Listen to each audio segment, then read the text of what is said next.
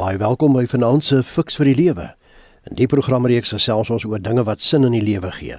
Ek is Flip Loots en vanaand kuier weer saam met my Dr. Gustaf Gous, teoloog en professionele internasionale spreker. Goeienaand Gustaf. Hallo Flip, vandag selfs ons oor een van die belangrikste goed op aarde. Hoekom loop mense oor my en hoe kan ek dit verhoed en keer? Ek sien baie uit na die gesprek. En jy is luisteraars welkom om ook aan die gesprek deel te neem. Gebruik die SMS nommer 45889. Onthou net elke SMS kos R1.50. Jy kan ons ook op Facebook kry op die Fix vir die Lewe bladsy. En dan gee hierdie program nie aan jou as luisteraar voorskrifte van presies hoe om te lewe nie, maar riglyne waarbinne jy self keuses kan maak. RC stem ook nie noodwendig saam met die opinie van enige persoon wat aan die program deelneem nie. Gustaf, Ek hoor mense sê ek is niemand se vloerlap nie. Nou hulle sê dit veral wanneer dit vir hulle voel asof ander oor hulle loop en hulle misbruik. Tog gebeur dit dikwels dat voor ek my kom kry ander mense met my maak net wat hulle wil. Hoe kan ek my man en vrou staan sodat mense nie oor my loop nie? Nou in fiks vir die lewe, soos jy gesê het, gesels ons vanaand hieroor. Kom ons begin by die begin, Gustaf. Wat beteken dit om te sê dat iemand oor jou loop? Daar is altyd twee kragte in die lewe. Aan die een kant het jy die aggressor wat van die standpunt uitgaan van ek wen en jy verloor. Dan het mens die ander een wat dit toelaat. Met ander woorde, dan is dit die iemand wat die vloerlap raak van ek verloor en jy wen. Ek gee nou maar jou sin. Jy mag nou maar oor my loop. Dit kan in huweliksverhoudinge wees, dit kan in besigheidsverhoudinge wees, dit kan in landspolitiek wees dat 'n land sommer ingaan en sê luister, ek wil jou land vat.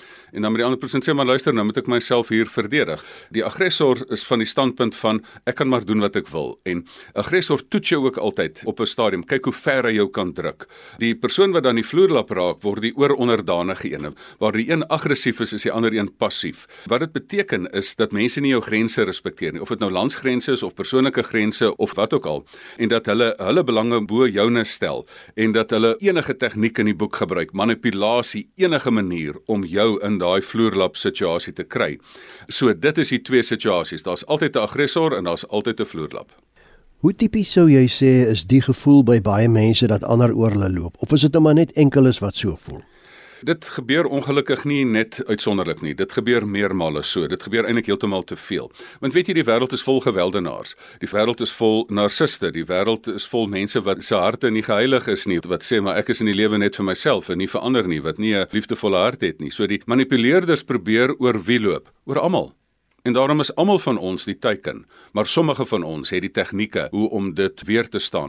En ons 'n bietjie prakties raak, Gustaf, watter tekens is daar waarna ek kan oplet dat mense oor my loop? Die beste teken is dat jou selfbeeld afgekraak is. Jy begin jou selfrespek vir jouself verloor as jy nie grense stel nie. As jy nie kan ja of nee sê nie. As jy voel jy word misbruik. As jy begin besef maar ek raak so moeg. Dit is 'n oorlog van uitputting. Ek word al amper passief. Ek word eintlik 'n ko-afhanklike. Ek is uitgemergel in hierdie situasie. As jy daai goed in jou lewe raak sien dat jy besef maar ek is nou skoon moeg dat ek sommer net wil gaan lê, dan weet jy dit is die tekens dat jy te lank toegelaat het dat mense oor jou loop. Jy sê te lank toegelaat het dat mense oor my loop nou. Waarom laat mense toe dat ander oor hulle loop? Weet jy Flip, ek het agtergekom daar is maar 'n baie eenvoudige rede daarvoor. As jy dit deurlopend toelaat, onthou 'n aggressor probeer altyd kyk hoe ver hy jou kan druk. En dan loop hy hom vas teen 'n paar mense en sê, "O, oh, hier gaan ek nie regkom nie, kom ek gaan soek vir my 'n ander slagoffer." Maar as jy dit lank genoeg toelaat, dan word 'n mens die deurmand. Maar nou moet 'n mens vir jou vra, "Hoekom?" Ek het agtergekom as jy die hoekom vraag 5 keer vra, dan kom jy tot die kom ons noem dit die kern van die saak. Hoekom laat mense dit toe? Want hulle is people pleasers. En aan die sagte kant probeer hulle nice wees want ek wil nie verhoudinge versteur nie so ek wil nou nie die konflik veroorsaak nie. Die persoon veroorsaak konflik en as ek nou praat dan brand die vlamme hoog. So dit kan of op 'n sagte manier wees dat jy 'n people pleaser wil wees of iemand wat ander mense net wil heeltyd tevrede stel of dit kan meer op die harde kant wees dat jy in 'n harde angsbevange situasie sit van 'n regte werklike aggressor. Maar die tweede vraag is hoekom is mense dan nou iemand wat ander mense nou net tevrede wil stel? Want jy het iets nodig. As jy iemand wil tevrede stel, dan het jy eintlik self drie onderliggende behoeftes. Jy het 'n behoefte aan aanvaarding, jy het 'n behoefte aan sekuriteit en jy het 'n behoefte aan liefde. En jy's te bang om op te staan want jy's bang dat jy die krummeltjies van liefde gaan verloor, dat jy jou sekuriteit gaan verloor of dat mense nie van jou gaan hou nie. Maar dan vra mens weer 'n keer, maar hoekom het mense hierdie tekorte aan aanvaarding, sekuriteit en liefde? Want mense is stikkend. Hulle kort iets. Hulle het 'n gaping in hulle lewe. Mense het stikkend geraak. Jy word nie stikkend gebore nie, jy word stikkend in die lewe. Hoekom is mense dan stikkend? Want daar was ander stikkende mense wat hulle eie stikkendheid uitgeleef het op jou en 'n spiraal van stikkendheid veroorsaak het. So, hoekom laat mense dit toe? want hulle het hierdie amper sê tekort aan aanvaarding, sekuriteit en liefde. Dit kom uit hulle eie pyn, uit hulle eie stikkindheid wat veroorsaak is deur ander stikkende mense. Jy luister na RSG en dis die program Fix vir die Lewe. Ek is Flip loods en saam met my kuier Dr. Gustaf Gous en ons gesels vanaand oor wat kan ek doen? Mense loop oor my. Jy kan gerus ook jou mening oor die onderwerp gee. Gebruik die SMS nommer 45889. Onthou net elke SMS kos R1.50. Gustaf, ek wonder nou terwyl ons so gesels, watter effek het dit op mense wanneer hulle agterkom dat ander hulle misbruik en hulle eenkant toe stoot? Die eerste effek is dat as jy raak sien dat jy in 'n staat van afgebreektheid is, dat jy raak sien dat jy eintlik nie 'n lewe van jou eie het nie, dat jy nie eintlik 'n lewe het nie. Wanneer mense dit agterkom, is dit daai oomblik van verligting dat jy besef maar die lewe kan nie so aangaan nie. Weet jy wat is gewoonlik die draaipunt in mense se lewe? Ek noem dit daai spreekwoordelike wat nie bestaan nie, Moses 6 vers 6 oomblik, wat jy sê Here, so kan dit nie aangaan nie. Ek kan nie net vir die res van my lewe net die ondergeskikte wees nie. Ek is ook 'n mens in eie reg. Ek het ook menswaardigheid, nie net in die Here se oë nie, maar ook in die wêreld se oë en ek mag opstaan. Ons praat nou van die persoon wat half onder die vloermatjie lê, nê, nee, die ene wat vertrap word oor wie mense loop. Maar watter eienskappe het die persoon wat geneig is om bo oor ander te loop en hulle te oorheers? Ons vergeet baie keer van die geweldenaar self. Die persoon is iemand wat selfstukkend is. Weet jy ironies genoeg, het daai persoon ook 'n slegte selfbeeld. Daai persoon het eintlik 'n onderliggende minderwaardigheidskompleks. En onthou daar's mense wat vandag luister wat self die geweldenaar is en daarom wil ek vir jou sê, As jy regtig 'n reus is, regtig sterk in jouself voel, moet jy nou sulke dinge doen? Moet jy jouself bewys? Dit is gewoonlik die persoon met 'n klein mensie sindroom wat dan oor ander mense wil loop. Want 'n reus hoef nie te maak asof hy sterker is nie, hy is net in sy wese sterk. So hierdie gewoonte geweldenaar gedrag is eintlik gebaseer op 'n stuk interne stukkendheid. Ek wil vir die geweldenaars vandag vra wil jy nie maar gaan hulp vra nie. Dis nie net die persoon wat hulle self moet handhaaf wat moet hulp kry en, en leer om immuun te wees teen jou nie. Dit is ook jy wat moet hulp kry want weet jy wat? As jy met die swaard leef, kan jy ook met die swaard sterf. Gaan kry hulp voor hierdie hele situasie op jou boemerang en jy jou lewe en ander mense se lewe so stukkend breek dat dit onherstelbaar kan wees. Ons gesels nou oor die situasie waar mense oor jou loop en jy nie kan opstaan nie of dat jy bang is of daar redes is daarvoor. Maar kom ons raak prakties, Gustaf. Hoe moet ek dit hanteer wanneer iemand anders hier by die werk of by die huis, my man of my vrou of my kind selfs geneig is om oor my te loop? Ek dink daar is drie basiese dinge. As 'n mens agterkom dat jy self baie keer die pyn van die verlede herhaal, dan moet 'n mens sê, maar kom ons stop hierdie spiraal van mense seermaak en ons kom tot die werklike hantering hiervan vir die geweldenaar en vir die persoon wat die vloerlap is. 'n Gesonde selfhandhawing is alternatief.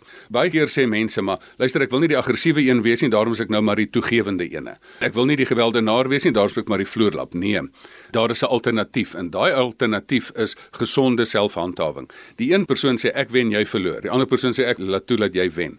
Maar hoekom kan ons nie vir 'n dubbele wen gaan nie en as daar dan 'n kompromie gemaak moet word dat ons die tussenposisie kan gaan dat ons dan 50-50 in die verantwoordelikheid deel. Teenoor aggressiwiteit en oor onderdanigheid is die derde alternatief assertiwiteit. Nou kom ek maak dit net bietjie van 'n beter woord. Die Engelse woord is assertiveness. 'n Beter Afrikaanse woord daarvoor is gesonde selfhandhawing. Gesonde selfhandhawing het drie aspekte. Die fundament van gesonde selfhandhawing is 'n selfbeeld. As jy nie dink jy self iets werd nie, gaan jy jouself nie handhaaf nie. Daarom moet jy 'n kerngesonde selfbeeld kultiveer. Dan is die toepassings van kom ons noem dit nou maar die kernvaardighede van gesonde selfhandhawing is verbale en nie-verbale selfhandhawing. Dat jy met jou liggaamshouding nie so ekskuus ek leef skouertjies hang inneem nie, maar dat jy ook nie aggressief met jou vinger onder mense se neuse swaai nie en sê moet my nou nie ver druk nie en die tipe van aggressiewe gedrag nie.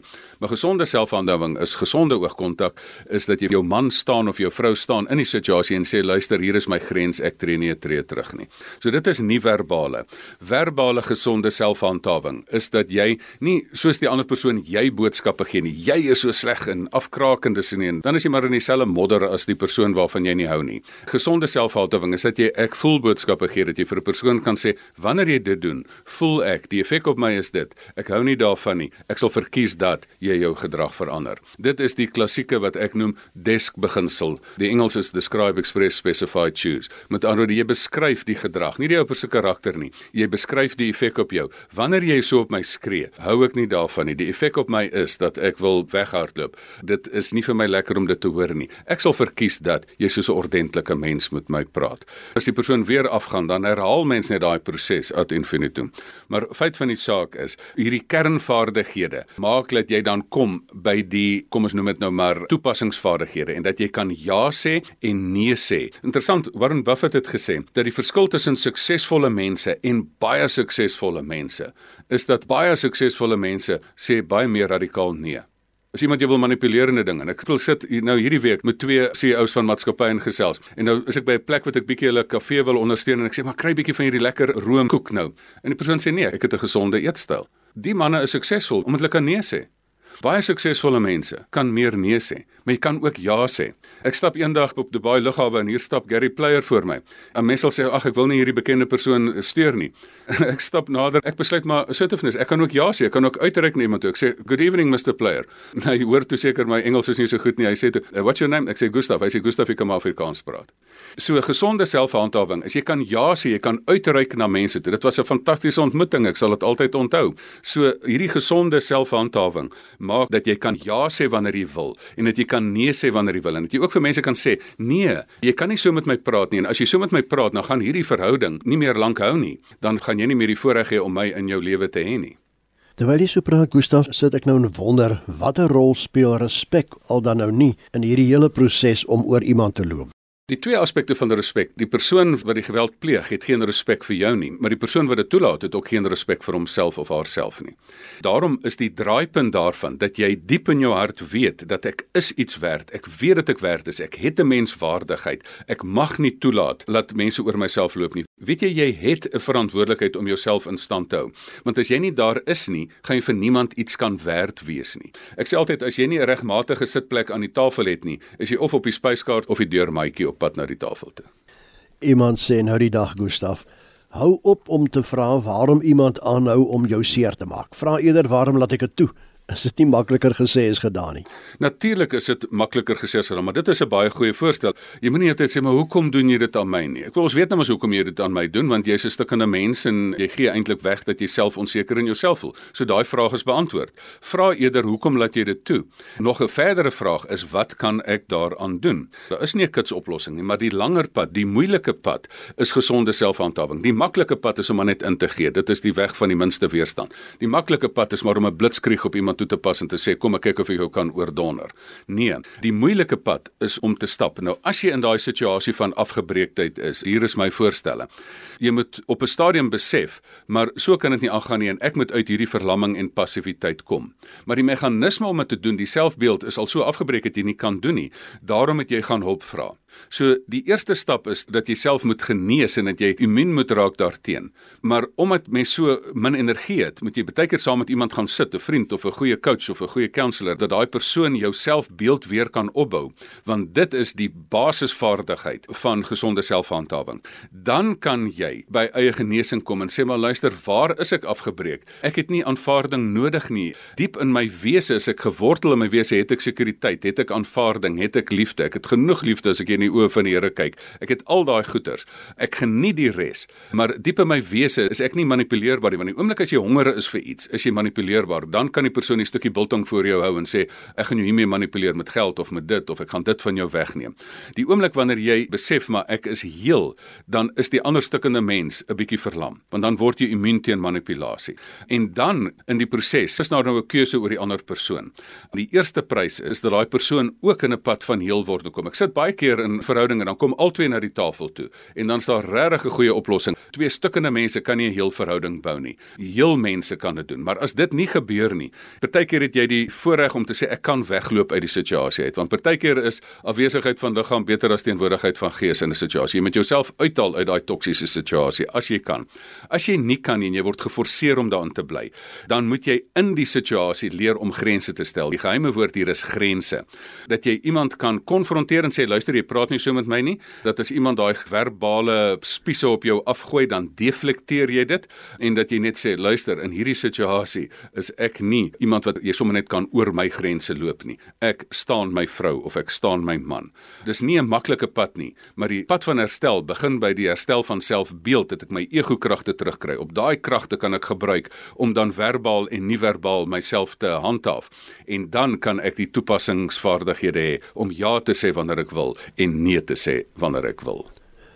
Dit is RSG, dis die program Fix vir die Lewe. En ons gesels vanaand oor wat kan ek doen? Mense loop oor my. Ek is Flip loods en my gas hier by my is Dr. Gustaf Gous. Onthou dat jy as luisteraar jou mening oor die onderwerp van vanaand kan deurgee. Gebruik die SMS nommer 45889. Onthou net elke SMS kos R1.50.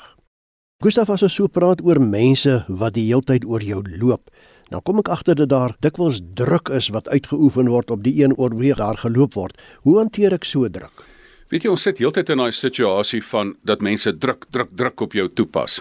Dan moet jy baie keer in daai oomblik besluit. Met ander woorde hulle gooi 'n konfrontasie situasie voor jou. Hulle is in jou gesig. Dan moet jy besluit in daai situasie. Jy moet eintlik die veg vlug of vries situasie moet jy dan besluit. Um, gaan ek hierdie situasie vermy of gaan ek my in hierdie situasie handhaaf? of gaan ek net doodstil sit in die situasie. Partykeer is daai druk so erg as iemand 'n pistool soos een van my kliënte nou die dag in sy gesig indruk, dan gaan jy nie nou vreeslik assertiveness toepas nie. Ek sê altyd wat noem jy 'n terroris met 'n geweer? Jy noem hom meneer dan is jy nie nou braaf nie. Vir die oomblik sal ek submit, maar selfs in daai situasie van die druk van ander, kan jy ook 'n stukkie selfrespek hou.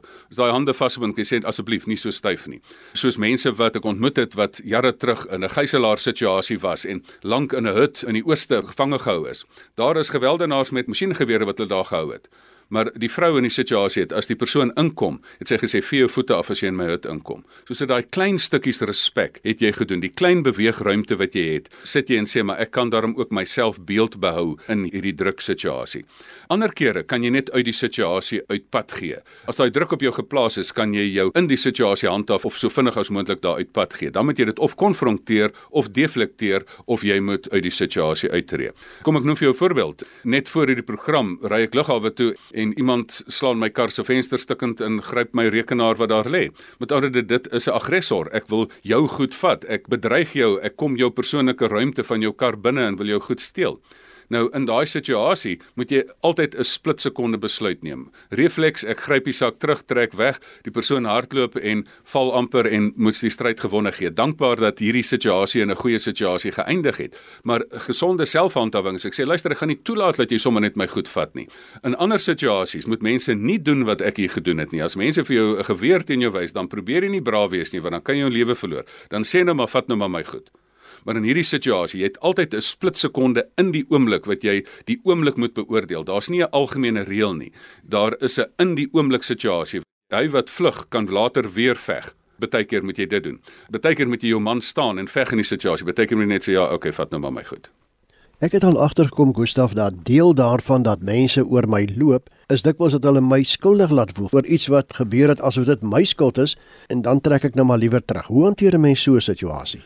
Hier is 'n verskriklike interessante term wat die gesprek binne gekom het, Flip, wat hierdie ding presies wat jy nou het 'n naam voor gegee het. Wat ek nie weet hoekom daai naam gegee is nie, maar die Engelse noem dit gaslighting. As jy in 'n situasie is, die gaslighter wil die ander persoon die mekaar maak.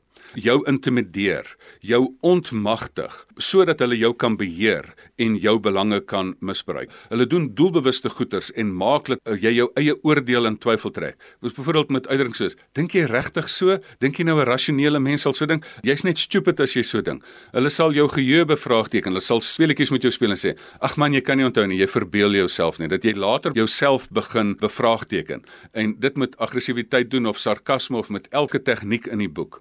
So dit is deel van die tegnieke daarvan en dit is ook deel daarvan dat jy weet jy is in so 'n situasie. En dit gebeur nie net in persoonlike verhoudinge nie, dit gebeur ook in debatte op sosiale media oor COVID-vaksines en dis meer dat hulle mense sê ag regtig dink jy regtig so of na watter kant toe jy nou ook al die standpunt het.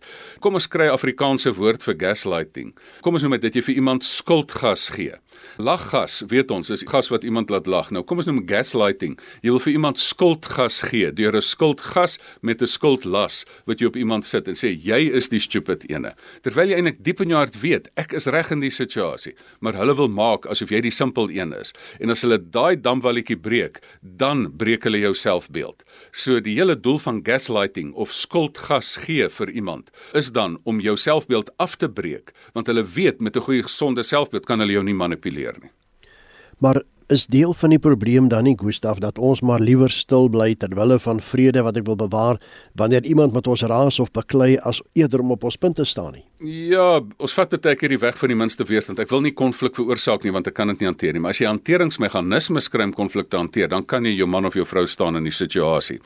Ek sê altyd as jy iemand op jou toon trap, moet ek nou sê, mm, nee, mense is maar ongeskik nou sodat ek sê nee asseblief. Wanneer jy op my toon trap, kry ek seer. Ek verkies dat jy een tree vorentoe gee. In daai situasie, wanneer op jou toon getrap word, moet jy praat. Anders word jy aandadig, anders word jy die persoon wat veroorsaak dat jy die vloerlap is. As jy soveel geweld in jou situasie, dan moet jy 'n beskermingsbevel kan kry, dan moet jy uit die situasie uitkom en interdikte teen mense kry wat jou geweld aandoen.